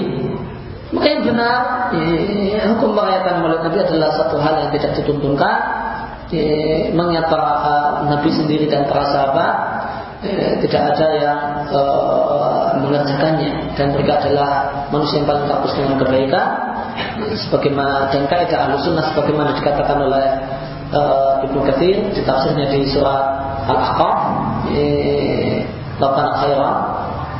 Wa wa al-sunnah fa innahum qalu adapun maka mereka mengatakan Tau kana khairan la sabaquna ilaihi. Seandainya itu adalah amal kebajikan, niscaya ya, mereka Nabi dan para sahabat adalah orang yang paling dahulu mengerjakannya atau menunjukkannya.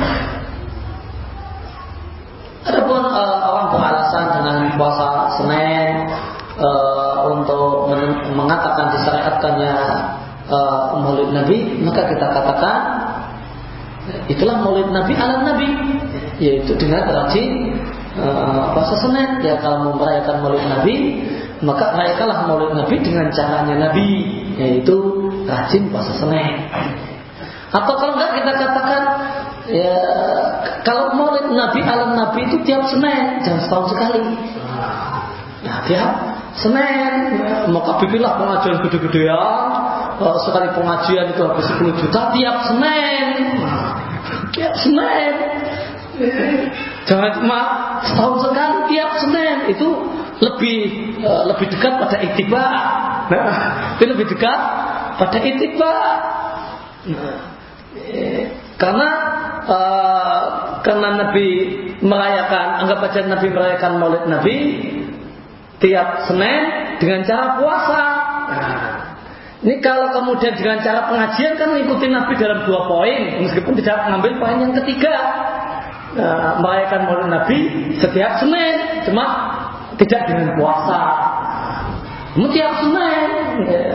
Bagaimana merayakan Maulid Nabi? Wah, gembor-gembor pakai oh, ngadangkan memanggil kiai dari jauh dan sebagainya. Nah, ya, maka biaya yang dikeluarkan minimal 10 juta untuk senin untuk ustadznya dan yang lainnya nah itu tiap senin itu lebih dekat pada itiba karena ada padanya dua poin kan? Ya. kalau mau lebih dekat lagi dengan itiba tambah yang ketiga ya.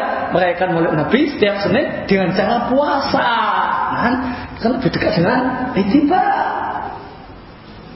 maka yang, yang benar ya tiga-tiganya ini dilakukan.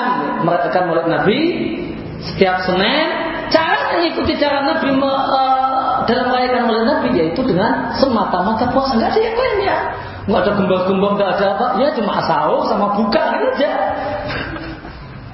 Sahur ketika malam Senin uh, Senin malam malam Selasa buka itu pak. Ya itu peringatan Maulid Nabi-nya. Ya, dan itu caranya Nabi. Dan kita tidak boleh keluar. Kalau Nabi telah uh, menentukan uh, ibadah dan caranya, tidak boleh kita keluar. Tidak boleh keluar. Dari cara yang telah Nabi tentukan. Anggap saja Nabi ini men mensyariatkan maulid Nabi, maka Nabi mensyariatkan maulid Nabi dengan dan telah menjelaskan caranya, yaitu dengan puasa setiap Senin. Maka ini sebagaimana apa yang kita katakan uh, berkaitan dengan masalah menetapkan Ramadan dengan hilal. Dan hilal, maka Nabi Shallallahu Alaihi Wasallam telah menentukan ibadah yaitu puasa Ramadan dan caranya itu melihat hilal, maka tidak boleh uh, cara yang lain. Maka Nabi telah menentukan, anggap saja mensyariatkan Maulid Nabi dalam tanda kutip dengan cara puasa Senin setiap Senin. Nah, itulah. Maka jangan keluar dari cara yang dikatakan Nabi Shallallahu Alaihi Wasallam. Ya, kalau keluar ya jangan banget banget. Kalau keluar ya, jangan banget banget. Tiap Senin, tiap Senin. Nah, baca maulid, baca tiba, baca sokal, uh, terus habis itu pengajian. Namun tiap Senin loh, tiap Senin. Ya. Boleh itu. Uh, karena keluarnya jangan banyak-banyak. Loh kok keluarnya uh, puasanya nggak dilakukan, tiap Senin nggak dilakukan, cuma mulai nabinya. Nah ini nggak benar ini. Ini curang ini, maunya sendiri, seenaknya sendiri. Ini buta syahi. Ini dengan suka-suka, bukan dengan ngikutin Nabi.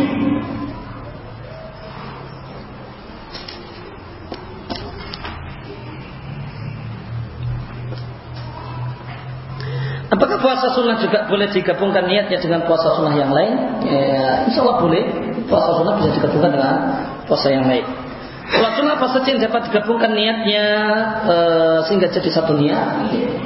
Selama itu adalah sholat sunnah yang tidak digolongkan oleh para fukuha dengan e, maksudan lidatiha atau disebut dengan ibadah mustaqillah Ya, selama dia bukan ibadah mustaqillah, ibadah yang berdiri sendiri, maka dia bisa digabungkan dengan yang lain. Itu kaidah yang disampaikan oleh para fuqaha, semisal Ibnu Rajab Al-Hambali di uh, di kitab yang terkenal dengan sebutan Fawaid Ibnu Rajab.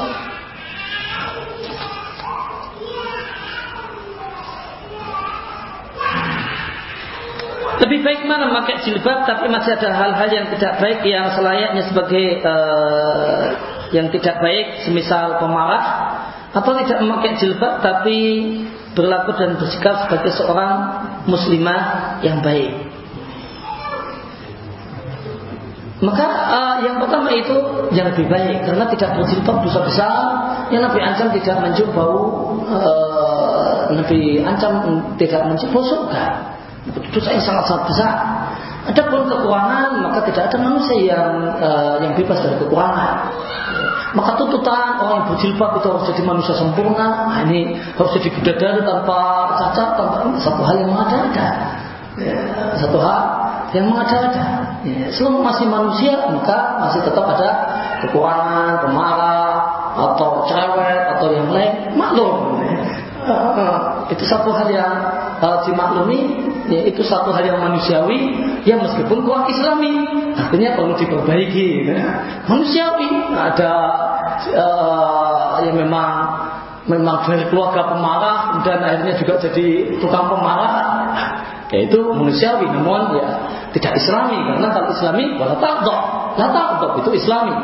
Jangan suka marah-marah yang tidak perlu namun mengingat uh, bahasanya ada dosa yang besar yang dikatakan tidaklah pelakunya tidak mencium bau surga karenanya maka berjilbab dengan baik dan benar meskipun ada kekurangan sana dan sini adalah satu hal yang uh, yang baca tinggal uh, kita sebagai uh, orang yang memiliki hal tersebut punya kewajiban untuk memperbaiki diri orang lain orang lain punya kewajiban untuk membantu orang tersebut untuk juga semakin meningkatkan kualitas dirinya.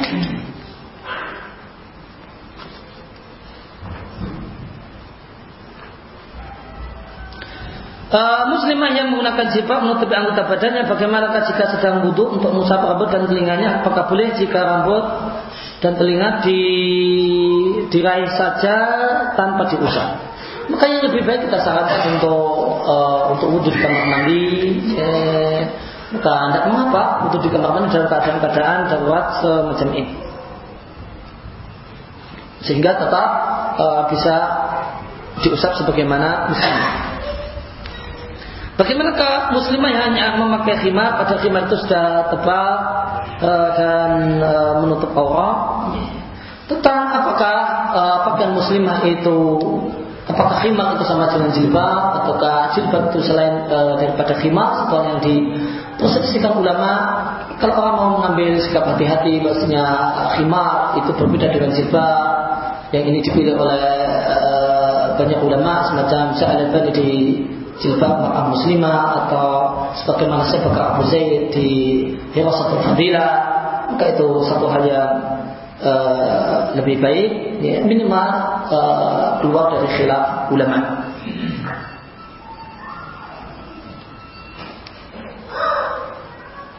Bolehkah memakai bos saat mengenakan jilbab?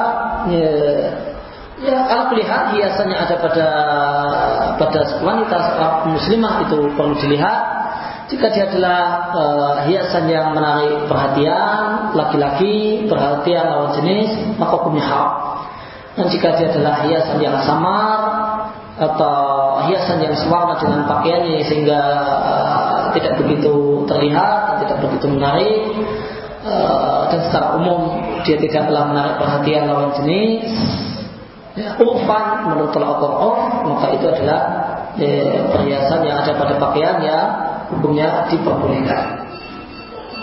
Jika ragu-ragu maka kita katakan apakah ini termasuk perhiasan yang menarik pandangan atau tidak maka kita katakan tidak menyibuk e, ilan malah yuribuk maka tinggalkan hal-hal yang meragukan.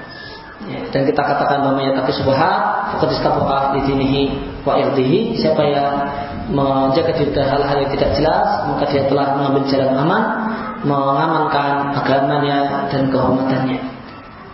Demikian kata Nabi kata Rasulullah sallallahu alaihi wasallam Muhammad wa ala alihi wasallam dan alhamdulillah rabbil alamin.